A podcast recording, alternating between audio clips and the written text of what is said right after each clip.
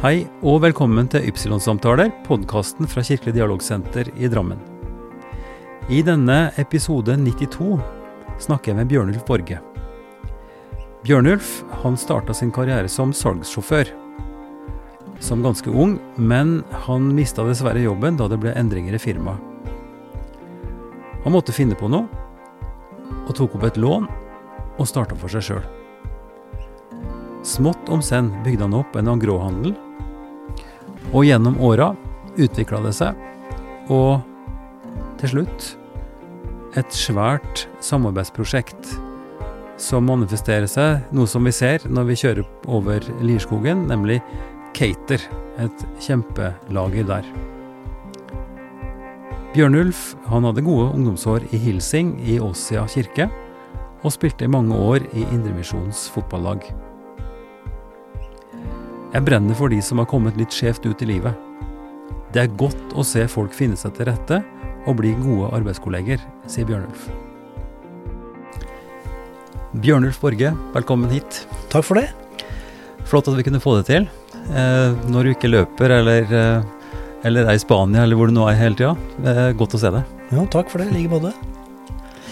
Eh, Tittelen din eh, når jeg først ble kjent med det, det var grosserer. Hva i all verden er en grosserer? Jeg trodde det var sånn som du ser i Finnbekk og Fia, og det er liksom sånn svære sigarer og tjukke mager og eh, Eller det er feil assosiasjon. Du ser ikke helt sånn ut du Bjørnulf. Nei, altså, jeg, nei, det er vel sant, det. Altså, en, en god grosserer før, han skulle helst ha en skikkelig pondus, og, og helst ha en blank isse og en skikkelig sigar. Så eh, foreløpig så har jeg mangla alt sammen. Ja. Jeg har ikke sett noe av det, faktisk. Nei, så jeg syns, egentlig det er greit. Jeg tror, jeg tror luggen er begynt å bli skikkelig grå, men jeg tror vi beholder det sånn som det er, så godt vi kan. Men beskriv, eh, beskriv med, med noen få setninger. En grosserer, hva, hva er det for noe? Ja, altså Hvis jeg skal ta det, akkurat det fra børjen av, så er det jo egentlig det at jeg høsten 83 eh, blei jo eh, permittert arbeidsledig som salgssjåfør i kjøttbransjen i det som en gang i tida var et gammelt, ærverdig firma i Drammen som het Gustav Thielemann. -hmm. Og så eh, ja, en del sånne hendelser inn der da, med noe oppkjøp og litt sånt og så blei jeg faktisk permittert, for den nye eieren ville ha folk inn i min, i min posisjon som salgssjåfør. Mm -hmm. Det var egentlig da begynnelsen til at jeg da begynte for, for meg sjøl og starta det som en gang i tida het Bjørnson Gro. Eh, Bjørnulf viste veldig mange var, men han som het Borge, viste ikke så mange var, så derfor så blei det firmanavnet. Og så eh, blei egentlig min arbeidsledighet det ble egentlig starten til det som nærmest har prega livet mitt i 40 år. Så det du sier nå, Bjørnulf, det er at du fra å være ansatt som sjåfør, så begynte du å bygge en business. Og, og gros, grosserer, altså gross, en grossist, det er at du eh, du har en butikk, men du selger ikke til kunder direkte kundene dine, det er andre butikker. er, er det en sånn Det er vel egentlig en ganske bra beskrivelse, for jeg begynte jo egentlig med at jeg kjøpte meg en brukt varebil. Mhm. Jeg lånte en svimlende sum av 100 000 kroner. Og kjøpte meg en brukt varebil. Det var iso- penger den gangen, det? Ja, det, for meg var det veldig mye penger. Særlig måtte låne alt sammen og isolere den varebilen. Og hadde 36 000 igjen å handle varer for når, når det var gjort. Mm. Og så var det egentlig å reise rundt og knakke dører, som jeg kaller det. Og det var jo da stort sett eh, mindre delikatesseforretninger, kolonialforretninger, eh, sånn stort sett. Og noe nettverk hadde jeg fra den tidligere jobben min, og var velkommen der. Ja. Det var egentlig det som var egentlig starten til det. var at det, Etter noen uker fikk jeg en telefon fra en par av kundene mine som lurte på om jeg snart kom igjen. Mm. Så forklarte jeg situasjonen, og så sa han den ene jeg glemmer ikke det. Men Bjørnulf er ikke noen andre du kan begynne for. Det var vel egentlig det frøet som ble sådd til å få meg til å tenke at kanskje det er mulig. Ja. Og så øh, fikk jeg også en henvendelse fra Fevang-familien i Drammen, som da drev kjøttbedrift oppe på Solbergmoen. ja. Eh, Så de, eh, blant eh, noen andre, lurte om jeg kunne tenke meg å jobbe og, og, og kjøpe varer fra dem og selge videre.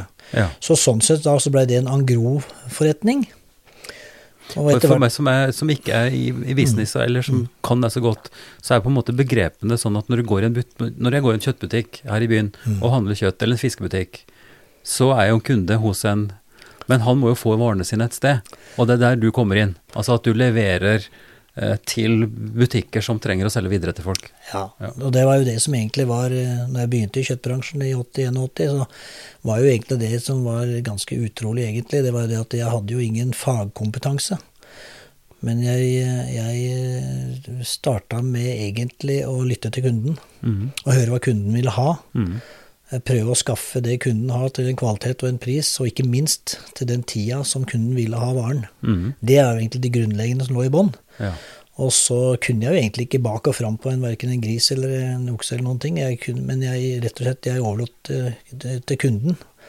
å få lov til å ha ekspertisen, og så prøvde jeg å skaffe fram det kunden ville ha. Ja. Mm. Og det er vel egentlig det, vi som, det er egentlig det som er grunnleggende som ligger i bånn. Ja. Ja. Eh, og så da prøve å, ja, prøve å være oppføre seg ordentlig og, være, og, og, og, og kunne være å stole på. Mm. Være rettskaffen og skikkelig. Ja. Eh, Jeg tror vi skal komme tilbake til mer hvordan den historien historia utvikla seg videre, for dette er jo det er jo ganske interessant hvordan dette utvikla seg fra den første varebilen og, og etter hvert et lager, og, og til slutt en gedigen koloss av et, eh, av et hus oppå Liertoppen. Eh, en av de sværeste bygningene jeg har sett, eh, som det stadig vekk står trailere utafor. Eh, men, men la oss spole ganske dramatisk tilbake igjen fra starten din. Hvor- starta livet ditt hen? Altså, hvem, hvem er du og foreldre og søsken, og hva, hva, hva skjedde? Ja, det er eh, Jeg er, jeg er eh, ikke født, men Eller faren min er gårdsfødt på et lite småbruk ved siden av den gamle flyplassen på Hokksund. Ja. Eh, Pappa ble født der av ei mor som nærma seg 45 år, eh, i begynnelsen av krigen. Mm. Eh, Og mm, der bodde også jeg de første fem åra mine. På et lite småbruk uten eh, innlagt vann og kloakk. Og hvor vi, eh, da også søstera mi, som etter hvert kom i, i 64, hvor vi bodde da i annen etasje hos onkel og tante med tre barn i første etasje. Så, og det huset hadde grunnflate på 58 kvadrat, så vi var, eh, vi var opptil ni stykker der. Eh, og, og det å uh, Det var jo rimelig små kår. Mm. Og, og pappa faktisk eh, tok utdannelse og gikk på Teknikeren i Oslo. Mhm. eh, og var ukependler. Og han- bodde jo på et rom hos broren sin inne i Oslo. Eh, så så det, var, det var starten. Eh, og eldst av tre søsken. Som, som da søstera mi, som er tre år yngre enn meg, og, og en bror som er sju år yngre enn meg. Mhm. Ja. Eh, Det var starten. Og så flytta vi litt rundt eh, i forhold til eh, pappas jobb etter hvert, i Oslo-området og ut på Hauketo. Og så kjøpte foreldra mine da et hus på Danvik i høsten 71. Ja. Og siden da så vil jeg si at jeg må, jeg er drammenser. Har Ja. vært siden 71, selv om som jeg også har bodd noen år i Lier. da. Hva slags type var han der gutten der, da? Han eh, Bjørnulf? Ja, altså han eh, Å snakke om seg sjøl sånn, det det må begynne å tenke litt, men eh, nei, altså det var, eh, det var jo egentlig eh, Når vi kom til Drammen, så var det jo egentlig å begynne på ny skole i fjerde klasse. Ja. Gamle, Det er ikke alltid lett. Nei, på gamle Danvik skole, og var vel egentlig en ganske spedbygd liten fyr. Og det var jeg fram til mellom 8. og 9. klasse, så jeg var en ganske spedbygd kar. Og gikk først da på Danvik skole, og så gikk jeg hadde ungdomsskolen på Strømsø. Mhm. Og eh, jeg har jo egentlig lite videregående utdannelse. Jeg har vel et år på handelsskolen etter at jeg var ferdig på ungdomsskolen, men uh, Riktignok ganske lærerikt, men jeg var vel egentlig der at jeg syntes det var veldig mye eh, morsommere å jobbe. Ja. Så, så fort jeg hadde muligheten til å jobbe, så jobba jeg jo. Jeg, Mm. jeg sier vel egentlig litt sånn for morsomt at eh, de første pengene jeg tjente, var å samle tomflasker, og de blir Ja. kanskje også det siste, for det gjør jeg jo fortsatt. Så, og nå har jeg barnebarn som gjør det samme, så det, så det er egentlig sånn Men ikke sånn, Som ikke sånn overivrig skolegutt. Nei, jeg var vel egentlig ikke veldig eh, Var litt urolig i kroppen.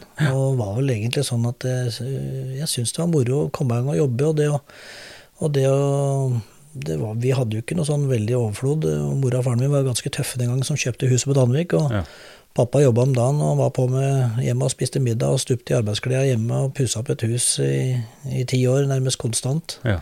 Mm. hjemme i Skolegata. Det var et hus som var bygd i 1918. Ja. Så, så det var klart at eh, jeg syns jo det var eh, Det var gleden av da å kunne øh, eh, skapa det på egen hånd og ha råd til å kjøpe litt ting som du ønska deg sjøl. Jeg likte rett og slett å jobbe, Mm. og, og jobba egentlig litt i Og hjalp til litt blant annet der faren min eh, jobba og, og sånn. Så, eller andre steder. Var mye på gård hos uh, onkel og tante oppe i Hokksund og jobba der om Ja. sommeren og Ja. var ja. der i helger og ja. Så, Mm. Nei, altså du Med det energinivået ditt, og sånn som jeg kjenner det nå, både som eh, løper og, og idrettsinteressert, så altså du har vel hele tida hatt behov for å være i aktivitet, vil jeg tro? Altså at du har vært en aktiv guttunge? Ja da, jeg- jeg kom til Drammen, så var jeg jo ganske raskt i gang med å, å komme inn i Skjold. Så jeg Ja. spilte jo Fram til jeg var to år som senior, så spilte jeg fotball for Skjold. Ja. Og så, så var det var en, var en eh, kamerat som lurte på om han ville bli med og spille fotball for Drim. Som da som Drammen Indremisjons idrettsforening, som det het. Og som egentlig var en, en fotballklubb som egentlig, som egentlig var et utspringer fra gamle Drammen Strong, på B-laget til Strong. Jaha. Og så starta disse guttene den klubben i 75. Indremisjons fotballklubb? Ja, Drammen Indremisjons idrettsforening. Det hørtes eh, Var det andakter i pausa da, eller? Ja, ja da, jeg har vært med på mye der. Altså, det er klart at jeg var jo ikke den helt enkleste å ha i ei drakt med, med logoen på brøstet, for det hendte jo at det kokte litt i toppen. Ja. Men, eh, men eh, det var egentlig en veldig fin tid. Jeg hadde først eh, tre sesonger der, og så var jeg tre sesonger i, og spilte på Sjåstad i Lier når jeg bodde i Sylling. Mm. Og så spilte jeg nye sju-åtte, ja, jeg har vel en ti-elleve sesonger til sammen i, i Dream. Ja. Og det var egentlig en veldig fin tid, men der var gutta fra mange forskjellige trossamfunn i, i byen ja. som liksom ble favna inn der. Og, men det var ut, utrolig mye morsomt. Men, men forklar meg litt. Altså, eh, Hadde den impulsen til å søke eh, indremisjon eller bedehus eller, eller kristentro, var det noe du hadde med deg som unge fra huset ditt eller hjemmefra? Nei, vi har ikke noe veldig tradisjoner for det i eget eh, hjem, sånn som vi vokste opp. Men jeg, eh, som eh, 14-åring, så, så hadde jeg kusine som var med i Hilsing, i gospelkor på Åsia. Ja. Og så hadde jeg da noen eh, i klassen min eh, som hadde begynt å vanke der oppe, så jeg, så jeg ble med på det. Mm. Og sang eh, i Hilsing eh, noen år. Men egentlig slutta vel etter hvert med å synge, men eh, og, og prøvde å traktere en bass og litt sånt nå. ja. Men var i miljøet. Ja. Så jeg var egentlig i miljøet der fram til Fram til jeg egentlig gifta meg. Egentlig litt mer perifert etter hvert, da, men, men hadde veldig, veldig mye fint i det ungdomsmiljøet som var i, i kjerka på. Åsia. For Beskriv- det var jo egentlig et sånn døgnhoppent steg, egentlig. Beskriv det litt, hvordan, eh, hvordan det var. Altså, vi har jo litt av Jeg har jo min egen oppvekst i, Oppdal med, med noe tilsvarende ungdomsmiljø der. Ja. Eh, Vi kalte det laget, altså skole- og ungdomslaget, og det var et TenSing-kor og sånn. For det var jo en veldig sterk nasjonal bevegelse er fra Kjell Grønner og sånn i Bergen med, med TenSing-bevegelsen som kom omtrent på den tida, og som ble veldig stor. Men for, for deg som en aktiv eh, hissigpropp av en fotballspiller og ikke sant, med maur både her og der, hva, hva var greia med, med hilsing? Nei, jeg traff egentlig noe veldig mye trivelige folk. Eh, Ja. Så jeg syns jo det var et veldig trivelig miljø. Og så traff vi vi, vi hadde en kar som het Per Holt. Som gikk bort eh, for 15 år siden, men som var da allerede en kraft i miljøet, både som musikalsk leder i, i, i Hilsing, Hilsing, -hmm.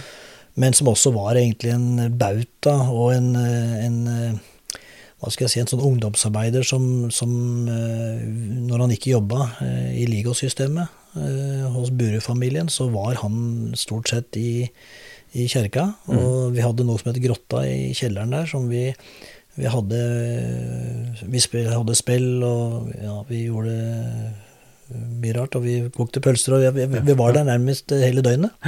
Mm. Så foreldra mine var aldri redd for meg så lenge jeg var sammen med Per og, og, og de, det, det miljøet der. Og blei kjørt hjem eh, på morgensida. Så, og Per var jo også aktiv musiker, så at eh, jeg var jo med han rundt også på mye spillejobber og fjernsynsopptak og radioopptak, og jeg var egentlig veldig mye eh, rundt i det miljøet, som sånn tilliggende, da. Ja, Så det var en viktig del av din oppvekst, rett og slett? Ja, eh, så jeg var det. Jeg var vel egentlig tok, eh, det, tok aldri det helt store steget, for å kalle det, men jeg trives godt i miljøet. Men Si meg noen få setninger. Hva, var, hva har det betydd for deg? Hva hadde vært som et slags grunnlag for utviklinga di videre? Nei, altså det var vel egentlig Jeg vil jo si at eh, sånn som jeg opplevde det TenSing-miljøet som var der oppe, så er jo det Det er jo egentlig alle fasetter. Men det er også et miljø som eh, også i stor grad er med å ta, ta skal jeg si, Har med seg noen mennesker som ikke alltid eh, har hatt like enkelt for å komme med i miljøer. Mm. Så det er jo noe jeg har tenkt på etterpå, at, at hilsingmiljøet var veldig bra for veldig mange ungdommer som ikke nødvendigvis hadde helt den enkleste ballasten i livet. Uh, og i tillegg til at Åsia i seg sjøl hadde jo et ganske tøft ungdomsmiljø på den tida. Sånn at det var jo bra at, det var, at kjerka var det den var. Mm. Uh, sånn at, det, at, ungdommen hadde et sted å kunne søke til, mm. uh, utenom å drive gatelangs og ja. med en del andre aktiviteter som ikke var så bra. Men, så det vil jeg jo si at bl.a. Per Holt har jo mange har mye å takke han for ja. i, i, forhold til ungdomstida si. Mm. at det ikke gikk mer galt med flere enn det det gjorde. Mm. Ja. For det var tøft på oss i, i mange år. Eh, men dette var altså på en måte eh, bakgrunnen eller resonansgrunnen for at du også syntes det var ok å kunne gå inn i den der Indremisjons fotballklubben? da? Var det, samme, var det samme gutta som var med der? eller hvordan Nei, det? var ikke, ikke det. fordi at uh, uh, Anders Viken, som er en meget god trommeslager, uh, han mm. var jo nabo med meg i skolegata. Og han og jeg vi tilbrukte mange timer på det vi kalte for Løkka. Ja. og og jeg sto i mål, og Anders, eh, vi, Anders eh, lagde mål, og vi snekra og hadde kirsebærnett, som, eh, så vi lagde mål og alt mulig. Og, ja. og sånn. Og så var det Anders som egentlig var i Drim, og spurte om jeg ville bli med. Ja. Men han fikk jeg aldri spilt sammen med, for han skada seg, så han fikk jeg aldri spilt sammen med. Men jeg var jo noen andre kjente der, ja. og, og, og, ikke minst Terje Brun Pedersen og, sånn, så det var, en, og det var etter hvert så fikk vi egentlig også et veldig bra lag. Vi har noen sesonger som vi egentlig vil si vi var gode på vårt nivå. Ja. Så vi var oppe, var oppe så vidt det var også i den gamle fjerdedivisjonen. Ja. Mm. men det var egentlig, det var egentlig at det var Det var mye trivelige folk å være sammen med, og, ja. og at det, det, det passa greit. Eh, og etter hvert så begynte jeg for meg sjøl, sånn at jeg greide å kombinere det med å kunne drive for meg sjøl og kunne ja få trent såpass at jeg kunne så noenlunde forsvare en plass. Og, ja. og rett og slett syns jo det var egentlig fin måte å ta ut litt av få blåst, blåst ut litt, for det, det, det var det behov for innimellom. Ja. Det vil jeg tro. For litt. Men du, vi kunne få følge flere spor her, men jeg tenker kanskje vi skal switche tilbake igjen til, til utviklinga i businessen din. Altså fra at du eh, da begynte Du kjørte bil for en, eh, for en firma, og så tok du da skrittet og, og bygde opp noe sjøl. Mm. Si litt kort om utviklinga der, på hvordan det, det, gikk. For det måtte jo ha vært en, eh, skal vi si en, om ikke en suksess, så måtte det ha gått ganske greit, for du kunne bygge det opp etter hvert ganske bra. Ja, altså da, da Dette her skjedde jo faktisk uh, Vi gifta oss i, høsten 83, og jeg blei jo permittert kort tid etter det. Så det var jo egentlig uh, sånn at Eh, da starta vi med de berømmelige to tomme henda. Det var jo mm. det vi gjorde. Mm. Og så var det egentlig rett og slett å bare prøve å skape seg en, prøve å skape seg en inntekt. Kan vi si at du og Brita var på en måte et par i dette hele veien? Nei, var... da jobba Brita hadde heldigvis jobben sin, ellers ja. så hadde vi ikke hatt så veldig mye til å ha på brødskiva. Nei. Nei. så, så, sånn var jo det. Ja, men, ja. men, nei, så jeg holdt på å styre med dette her aleine. Eh, fram, til, eh, til vi fikk barn. Så, mm. Og det gikk jo to og et halvt år. og Da flytta vi fra Sylling, og så kjøpte vi oss et hus eh, på Konnerud som vi kunne bygge en, eh, en dobbeltgarasje i. Og i den dobbeltgarasjen satte vi opp et fryser i den ene halvdelen. Og så hadde de da fryselager i garasjen, og bilen sto ute med stikkontakt i veggen, sånn at bilen fungerte da som kjølerom og lager. Ja. Og så hadde jeg fryserom for, for etter hvert som og det er klart at dette, Jeg var jo aleine i 13-14 år, var jeg helt aleine. Eh, og etter hvert da med, med, med Brita, da, som supplerte meg. og Kjørte rundt med barneseter og, og varer i bagasjen. Og, og, og støtta opp under når jeg, når jeg, hadde behov for det. Mm. Uh, men hun var jo da var så heldig at hun var hjemme med ungene de første 10-11 åra, ellers så kunne ikke jeg drive sånn som jeg gjorde. Men da var det jo sånn at eh, dagligvaremarkedet altså, På de, de åra jeg holdt på aleine, så skifta jeg vel egentlig marked tre-fire ganger. Eh, Fordi at det var jo veldig mange som dreiv sånn som meg. Eh, Noen dreiv med fisk, og noen dreiv med kaker, og noen eh, med pålegg og sånt noe. Men, men jeg, jeg dreide meg litt raskere vekk fra det dagligvaremarkedet, for det blei veldig låst med kjeder og, og sånn som det er. Og veldig vanskelig å få lov til å komme inn og selge varene sine. Men så begynte jeg litt på, på bensinstasjoner og kiosker og, og gatekjøkken og, og kafeer og restauranter, så jeg Ja.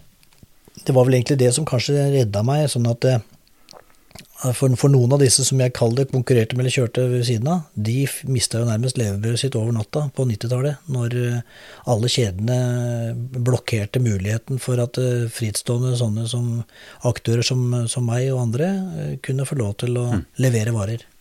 Akkurat. Men vi hadde veldig mange, hadde veldig mange kunder da, som, var, eh, som kjempa hardt for at jeg faktisk skulle få lov til å være leverandør hos dem. Så jeg har jo egentlig veldig mange å takke fordi at, eh, at jeg faktisk de, de turte å utfordre eh, de systemene som de var en del av, eh, til tross for at de ble trua med å miste forlengelse av kontrakter. og Blant annet spesielt på bensinstasjonsmarkedet ble jo det ganske tøft etter hvert.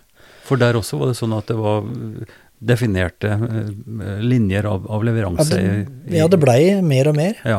Men så, så var det jo sånn at i 96, i 96-97 så var det jo så det er jo, Livet er jo fullt av tilfeldigheter, men jeg hadde felles revisor med et, eh, et selskap i Norge som het Servicegrossisten AS, som hadde kontor i Drammen. Hvor de var rammet av eh, De var jo en landsdekkende grossistkjede med et sentralt kjedekontor i Drammen Mm. som var ledet av en kar som heter Inge Eliassen, og han tok kontakt med meg i 96, sent i 96. eh, For da hadde den kjeden blitt ramma av en del oppkjøp av eh, gode gamle Rimi-Hagen, som skulle etablere storhusholdning i Norge. Ja. Så det forsvant eh, ganske mange grossister inn der, og også noe inn i Norgesgruppen. Og den største grossisten som var i Norge, den lå jo faktisk den gang på Vikersund. Og, den blei jo da kjøpt opp av Norgesgruppen. Og da, da var jeg en av tre kandidater, og jeg har pleid å si at fra å være den største grossisten de hadde i Norge, så fikk de den minste i en mann i en varebil eh, med et fryselager hjemme på Konnerud. Men eh, så var jeg da så heldig at, eh, at Terje Stykke hadde da all- akkurat i det momentet overlatt grossistvirksomheten til, til, til Stykke. Ja. Inn i Asko på, på, på Lierstranda Ja. og skulle satse på helsekost. Og så fikk jeg lov til å leie to reolganger, og, og Terje plukka ned et gammelt kjølerom som de hadde hatt på Nesbyen, og satte opp det. Og, og så fikk jeg leie Ja. hos Terje i, i, i fire-fem år. Nettopp. Eh, og det, uten det òg, så, hadde jo ikke dette vært mulig. Og, og da ble jeg Brita med fra, fra full tid fra Det var vel årets aprilsnarr i 97. Da begynte hun. og eh, så, så har hun vært med da hele tida. eh, Etter det på full tid. Eh, Årets aprilsnarr, hvorfor sier du det? Ja, for det var jo 1. april. Vi var offisielt første dag vi var medlem av Servicegrassistene, og starta i Mjøndalen. Så, og da hadde vi jo rett og slett bare Da hadde jeg en varebil som jeg brukte, og en i kall det reserve. Og så fikk jeg låne en lastebil av Terje, en sånn liten, lett lastebil, når det var behov. Eh, til å begynne med, og så kjøpte vi den. Men eh, så, da, så da første året da, så var vi fire stykker. Eh, fikk også med en kar som hadde jobba i den grossisten oppe på Vikersund. Og i tillegg til en, en senior som hadde jobba i, i, i bransjen der oppe i seks, siden i eh, 68. Mm. Ingar, som, som var med oss til han fylte 70. Men, men eh, en liten pauseknapp her nå. Hvordan skal vi forstå dette? Du sier at, eh, at grossistsystemet ble på en måte kjøpt opp av de store kjedene. Eh, Du eh, var ganske liten, men du, du fant da en nisje. Så hvem er det du da leverer til? Er det fortsatt kiosker og restauranter og sånt, eller? Ja, det er det, og det, etter hvert da så kom det jo også sykehjem. Uh, og ja, egentlig, egentlig alt du kan levere varer til, bortsett fra dagligvare. Ja. Uh, for det var jo et lukket marked. Så eh, Ja, Hva- det var jo knakke dører. Hva, Hva, hva tenker du om det? Er dette Er det fair, eller er det liksom eh, Altså, konkurranse, konkurranse er jo en, en ting, og marked er jo noe vi snakker Altså, mange snakker jo godt om et marked, ikke sant. Det skal være lik konkurranse, men dette er jo ikke, høres ikke bra ut. Nei, altså nå vekker du egentlig nostalgikeren i meg nå, vet du. For at eh, du vet verden, de sier jo det så fint at verden må gå videre. Ja. Men når man går videre, om alt er et framskritt bestandig, det er jeg ikke så helt sikker på. Men eh, det er klart at jeg har jo vært veldig relasjonsbygd, egentlig alt jeg har gjort. Ja. Både eksternt, altså mot kundesida, så lenge du jobber bare med de private kundene. Men også, også veldig også på egen stab. Altså, jeg har hatt eh, i alle disse åra hatt utrolig mange flotte medarbeidere. Mm. og som egentlig også er rekruttert fra forskjellige, også litt fra forskjellige eh, hva skal jeg si, miljøer, for å kalle det det. Ja. Men, men eh, jeg har jo jeg har hatt folk som har vært med eh, helt fra nesten vi kom til Mjøndalen. Mm. Sånn at eh, men, men verden, altså verden er jo blitt sånn at lille Norge er jo blitt Vi har blitt veldig flinke til å tenke så veldig stort. Ja. Eh, Men klart, driver du forretning, så må du også altså det, det å drive forretning, det er at du også må videre, du må utvikle deg. Og stagnasjon er jo det samme som tilbakegang. Og vi må også akseptere at et næringsliv er også er skapt av det at vi må også ha profitt. For hvis du ikke har profitt, så kan du ikke investere videre. Eh, og, og investeringer trengs hele veien. Ellers så Ellers så blir egentlig Det kan ikke være, bare være romantikk. Nei.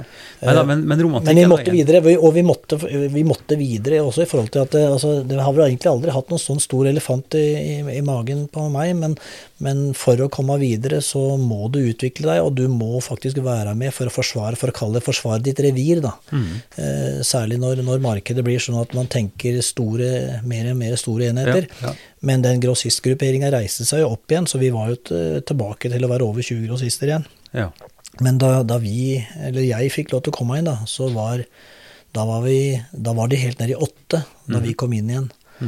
Sånn at det, det var flere sånne eh, mindre rundt omkring i Norge som også eh, knytta seg til eh, servicegrossistene, sånn som det jeg og da vi gjorde. Ja, eh, for da ble det en, en, en enhet som jobba mot det markedet som ikke var dagligvaremarked. Ja, Og vi driver, altså vi, vi, vi driver jo da alle våre selvstendige grossistforretninger, men så har vi da et fellesselskap som grossisten eier, som heter Servicegrossisten, og som da er et kjedekontor som, som da står for alle Mm. dataløsninger og en del forhandlinger med leverandører og Ja, sånne ting. og eh, er egentlig et sånt et eh, serviceorgan for grossistene.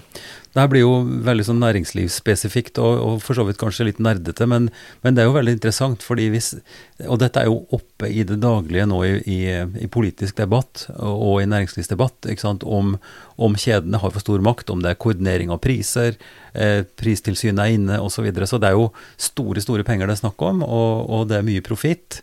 Så det er klart, profitt, som du sier, er noe som en må ha for å kunne drive videre. Samtidig så er det jo ikke bare nostalgi og romantikk å si at de små, altså et større mangfold av mindre, både butikker, frittstående butikker og altså litt mer nyanserte verdikjeder, da. At, at det er også interessant. Jeg, skal ikke snakke politikk, men det, men jeg syns jo det er relevant i den samtalen her. Ja, altså jeg, altså jeg var involvert litt i en dagligvareforretning ute i Skoger, faktisk, fra 86, en par år. og var med og engasjerte meg litt i den, og sammen med en, med en kamerat som etter hvert overtok og, og drev den sjøl, for, for jeg skulle fortsette med mitt. Men jeg bruker å si det at altså, vi som forbrukere, vi er jo egentlig ganske korttenkte. Eh, og, og, og det er klart at det er jo vi sjøl som forbrukere som har lagt grunnlaget for at vi nå har det markedet vi har i dag, spesielt på dagligvare. Fordi at vi begynte å løpe beina oss for å gå på kjøpesenter. Og det er klart at når den lokale kjøpmannen ble stående igjen med å få lov til å handle til sine nær, nære, det som de hadde glemt eller bare trengte der og da for å, av, av brød og melk, da undergravde vi egentlig oss sjøl. Det, er- starten. Hvis, hvis vi skal si at uh, vi mangler et mangfold, så har vi sjøl vært med og lagt grunnlaget for det. Ja. Fordi at uh, når, når det er klart at i, i Drammensregionen så er det klart at hvis du ser på den oppbygginga av sentervirksomhet rundt oss, så er det klart at det, det er jo det, Norge, Drammensområdet har i særstilling i forhold til hvor mange sentre vi fikk på relativt kort stund. Og det er klart at det var nødt til å utarme lokale, mange Ja, lokale ja. kjøpmenn. Ja. Altså, vi, vi kunne gått videre på det sporet, det skal vi ikke. Eh, men, eh, men jeg syns jo problemstillingen om at vi er vår egen verste fiende, på en måte, at vi går kortsiktig eh, til verks, og at vi går på egen fordel osv., det kan jo den tankegangen og den problemstillingen kan jo appliseres på veldig mye annet. Altså Vi snakker om klima, vi snakker om hvordan vi lever, hvordan vi, vi, vi ordner oss liksom på, på, så mange sårbarhetsområder. Så det kan en, hver og en som hører på det her, tenke hvor vi er på vei, og hvordan en faktisk har et ansvar, også for å ta valg i de daglige små tinga som i sin konsekvens faktisk har betydning på langt sikt. Ja, altså jeg, det, jeg syns det er et veldig interessant tema. For jeg syns jo det at vi er jo altfor flinke til å løpe beina oss etter tiåringer. For at vi sjøl bare skal Altså vi skal gjøre de Tror vi sjøl skal gjøre de beste handlene, men mange, mange, veldig mange av dem tror jeg er kortsiktige. Mm. Og jeg har et ord, lite ordtak som jeg sjøl bruker. Jeg bruker ofte å kjøpe, si at kjøpe billig, kjøpe dyrt. Mm. Fordi at det henger ofte sammen med både kvaliteten i forhold til det produktet du skal ha, mm. og i forhold til den servicen du skal få. Mm. Eh, det du eventuelt skal ha i etterkant av at noe eventuelt skal repareres, hva det mm. måtte være. Ja. Så det er klart at eh, summa summarum så er jeg ikke så sikker på at det blir så billig de, en del av de valga vi gjør oss etter hvert.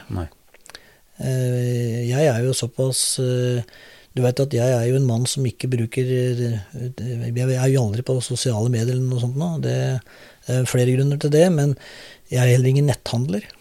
Eh, og det ligger nok sånn at jeg, jeg ikke, det, det, faller ikke naturlig for meg. Jeg ønsker egentlig å drive handel med andre, sånn som jeg egentlig syns det var trivelig å drive sjøl. Mm. Derfor så bruker jeg gjerne lokale så mye jeg kan. Ja. For jeg har satt veldig pris på at de lokale også har brukt det vi har forsøkt å ja, levere. Ja. Eh, la oss gå kjapt videre, bare for å runde av denne næringslivsdelen og karrieren din som grossist.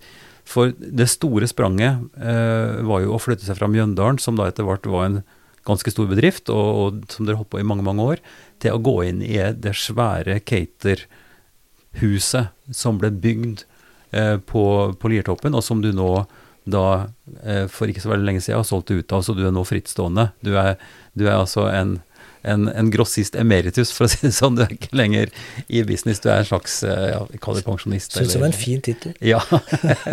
Men hva var det for noe? Altså, Den greia måtte jo ha vært en utrolig både interessant og krevende prosess. Ja, altså det, det her handler jo egentlig tilbake, tilbake til eh, faktisk før 2010, hvor eh, jeg satt jo i styret i Servicegrossisten i Norge en del år.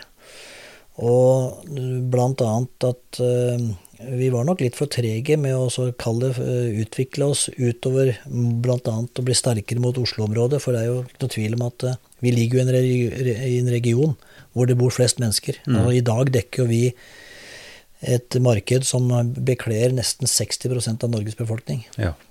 Og det er klart at uh, da ønska man utvikling, også i kjeden. Mm. Og så begynte vi å kjenne på det at det var noen som utfordra, for å kalle det reviret vårt. Ja.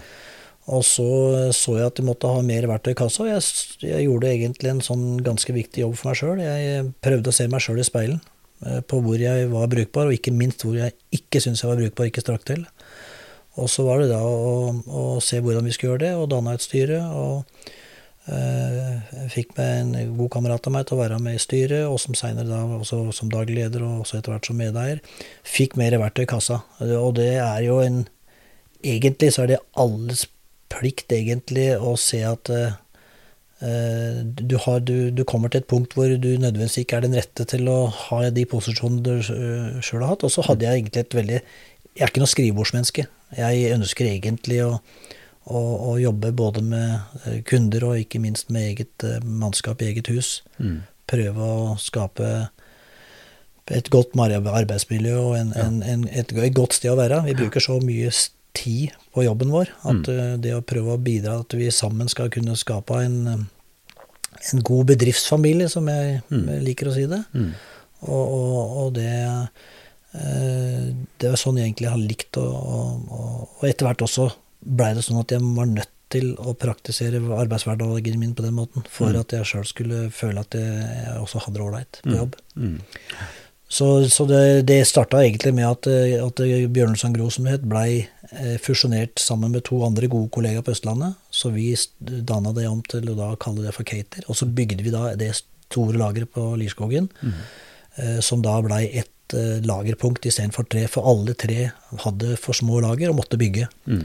Og da måtte vi jo gjøre dette rasjonelt, og, og etter hvert da ha én administrasjon og ett lager. og Og hadde en, en periode de to andre lagerne som satellitter på, på transport ut og inn. Mm. Men etter hvert eh, kjørtes da alt fra Lierskogen. Mm. Eh, og det var jo det eneste rette. Eh, sånn at eh, for å kunne hamle opp, for å kunne eh, Vi har jo en gross, grossistgruppering som ikke har de beste betingelsene. Vi har ikke volumet. Altså verden har blitt veldig volumfokusert. Og det er litt tilbake til den politiske delen, som også, men, men sånn er verden. Du blir belønna for volum, og da måtte vi prøve å ta det inn på andre måter. Mm. Og det er jo litt som også bl.a. Rema på dagligvaresida, for, for å si det. De har vært flinke til å være kostnadseffektive ellers, Mm. for å kunne hamle opp med den store, største konkurrenten som de har. Ja.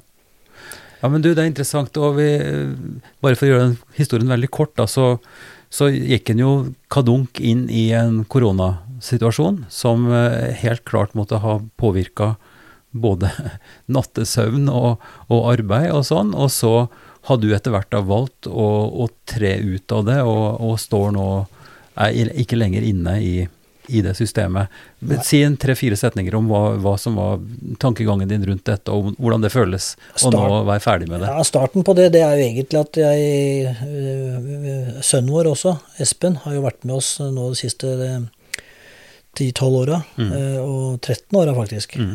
Og, og så har vi en datter som ikke har vært med i drifta, men, men øh, begynte egentlig å se på hva spesielt hva han kunne tenke seg å gjøre framover. Eh, Espen er bo, bosatt oppe i Sigdal, så han eh, kjører hjemme til halv fem-fem om morgenen. Og, og så vel det for seg at han ønska å fortsette å bli der oppe, og har kjøpt seg småbruk og bygger hus nå og sånn. Mm, Og, og etter hvert så ble det sånn at da må vi gjøre noen valg. Hvis du ikke ønsker, og, hvis du ikke ønsker 120% så skal du ikke gjøre det her. Nei.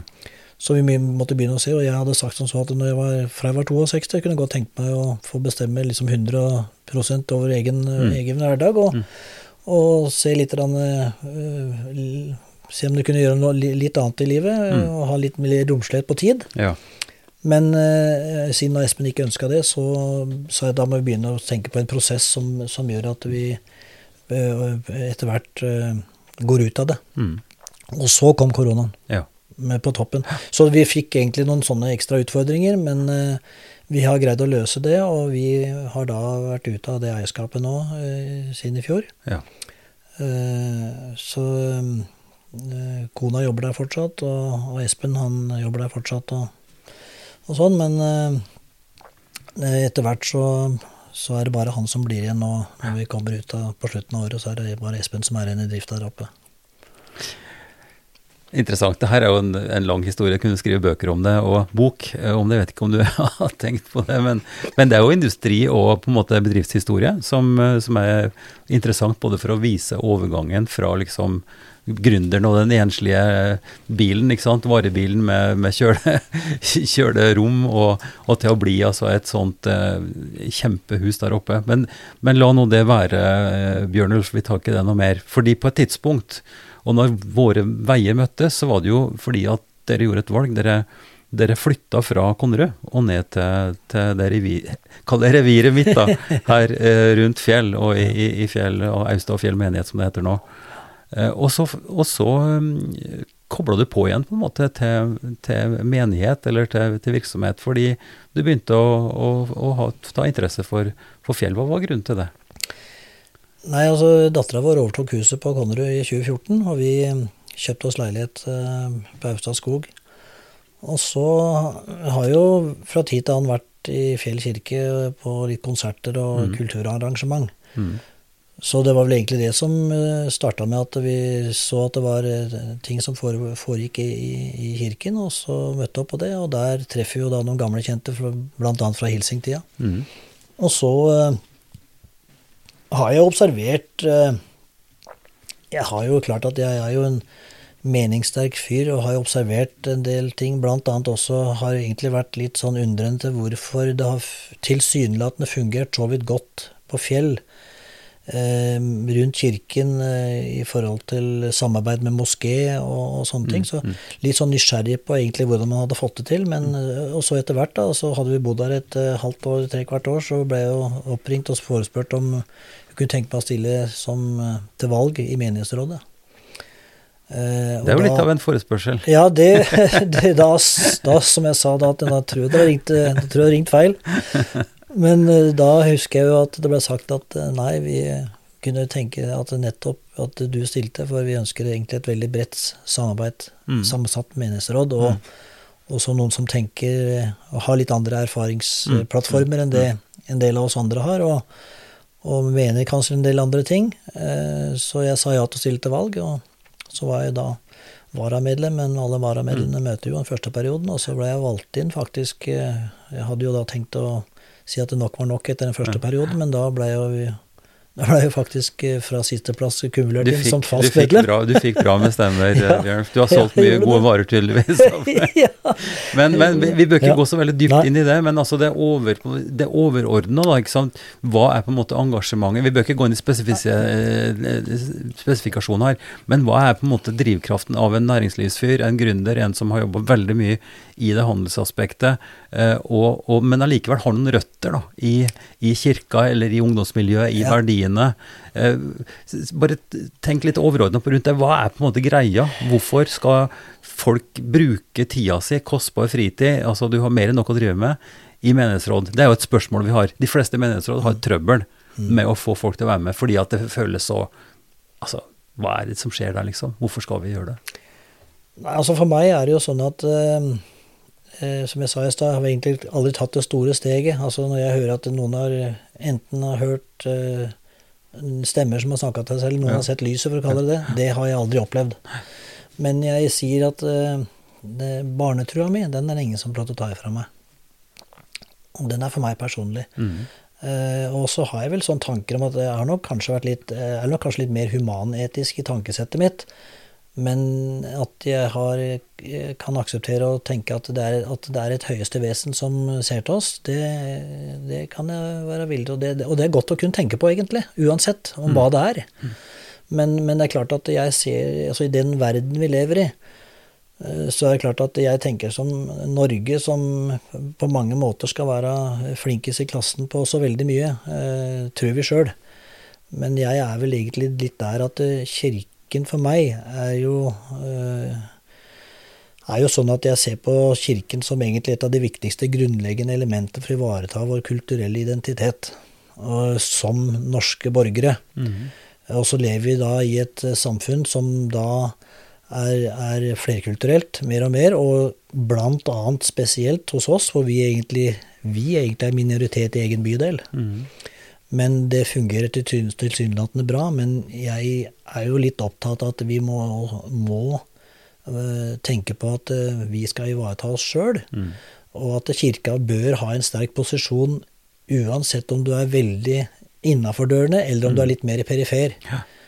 Eh, nå må jeg jo innrømme at eh, dette har egentlig egentlig opptatt meg såpass mye etter hvert at jeg kjenner jo på meg at jeg ikke nødvendigvis er helt, eh, helt på linje med, med mye av det som skjer i de organene på, på toppnivå i, i kirka. Mm. For jeg syns jo jeg syns jo jeg, jeg trives ikke med ei kjerke som blir for politisk. Jeg syns vi skal tenke altså Kirken bør vel for det første være det viktigste for, for, for, for forkynnelse. Mm. Men også i forhold til det å være at vi er eh, gode medmennesker og omsorgspersoner og ivareta hverandre uansett tilknytning vi måtte ha. Ja, ja. Og, og at, eh, at, eh, at det skal være det viktigste. Mhm. Eh, Så jeg, jeg gremmes egentlig over at kjerka blir mer og mer politisk. Mm. Og egentlig tror jeg ikke skjønner at de sjøl er i ferd med å bli veldig i utakt med sitt eget folk. Ja. Av de mer perifere. Nå åpner du et kapittel som jeg ikke tør å gå videre i, fordi at vi har ikke tid, Nei. rett og slett, til å snakke videre om det. Mm. Men du har et åpenbart poeng, altså, og, og bare definisjonen av hva politikk da i dette tilfellet er. Altså For å si det å ta vare på hverandre og jobbe for at fellesskapet skal ha godt, for de verdiene som bærer seg samfunnet vårt, for fellesskapet, alt det der, er jo til sjuende og sist politikk, for det har samfunnsmessige følger. Slik at eh, dette kunne vi snakka mye om, eh, men, jeg- men jeg, jeg bare lukker den eh, litt forsiktig, og så kan den samtalen fortsette i andre sammenhenger. Men vi er nødt til å touche én ting før vi runder av, for tida vår går så utrolig fort. Du er også en råtass til trening og løping. Jeg hadde jo Cato Tunes her. Eh, og han ser jeg jo på som tilnærma ekstrem.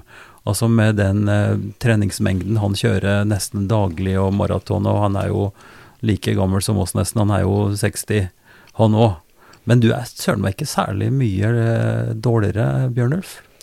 Nei, altså det med å være god eller dårlig altså jeg tror for Nå meg, tenker jeg på i, i, i treningsmengde og aktivitet, da. Ja da, eh, det, det er klart at uh, Cato, som også er en, er en god venn, uh, han, han, spiller jo på mange strenger, og han har spilt på veldig mange strenger. Og Ja. Cato er jo en sånn type som når han går inn for noe, så går han jo så all in at det passer i 100 Mm.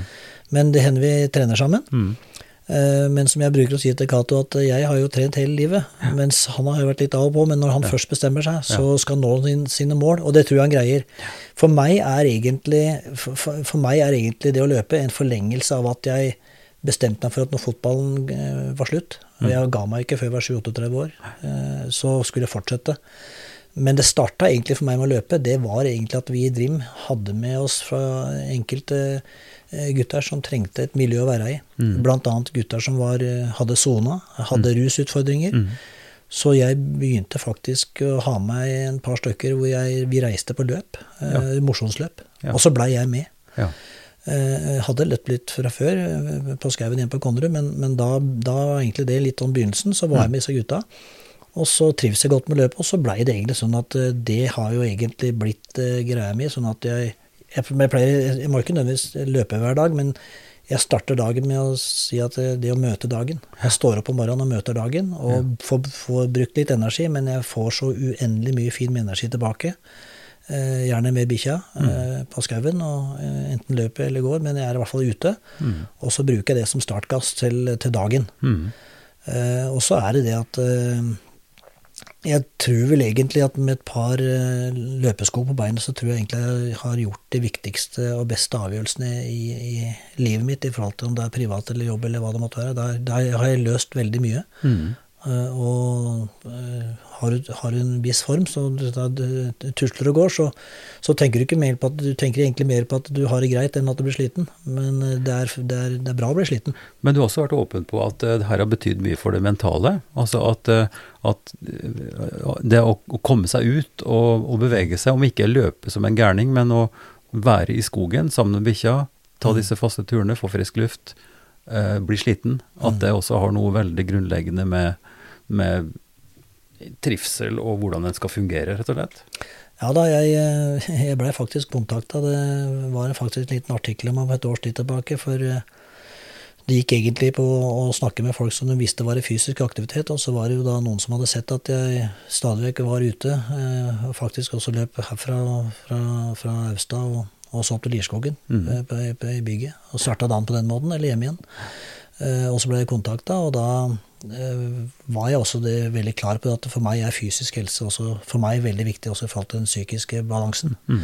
Eh, og, og det mental pleie, for å kalle det det. For eh, det er klart at eh, Du må jo være ærlig og si at for noen år siden så, så var jeg nede i ei lita dump. Ja.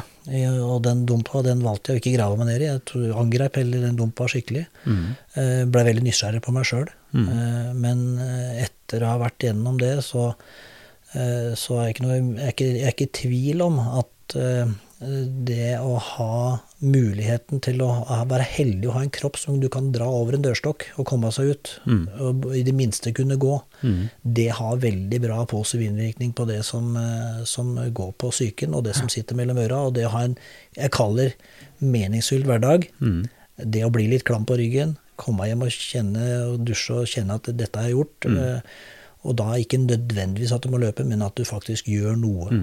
Mm.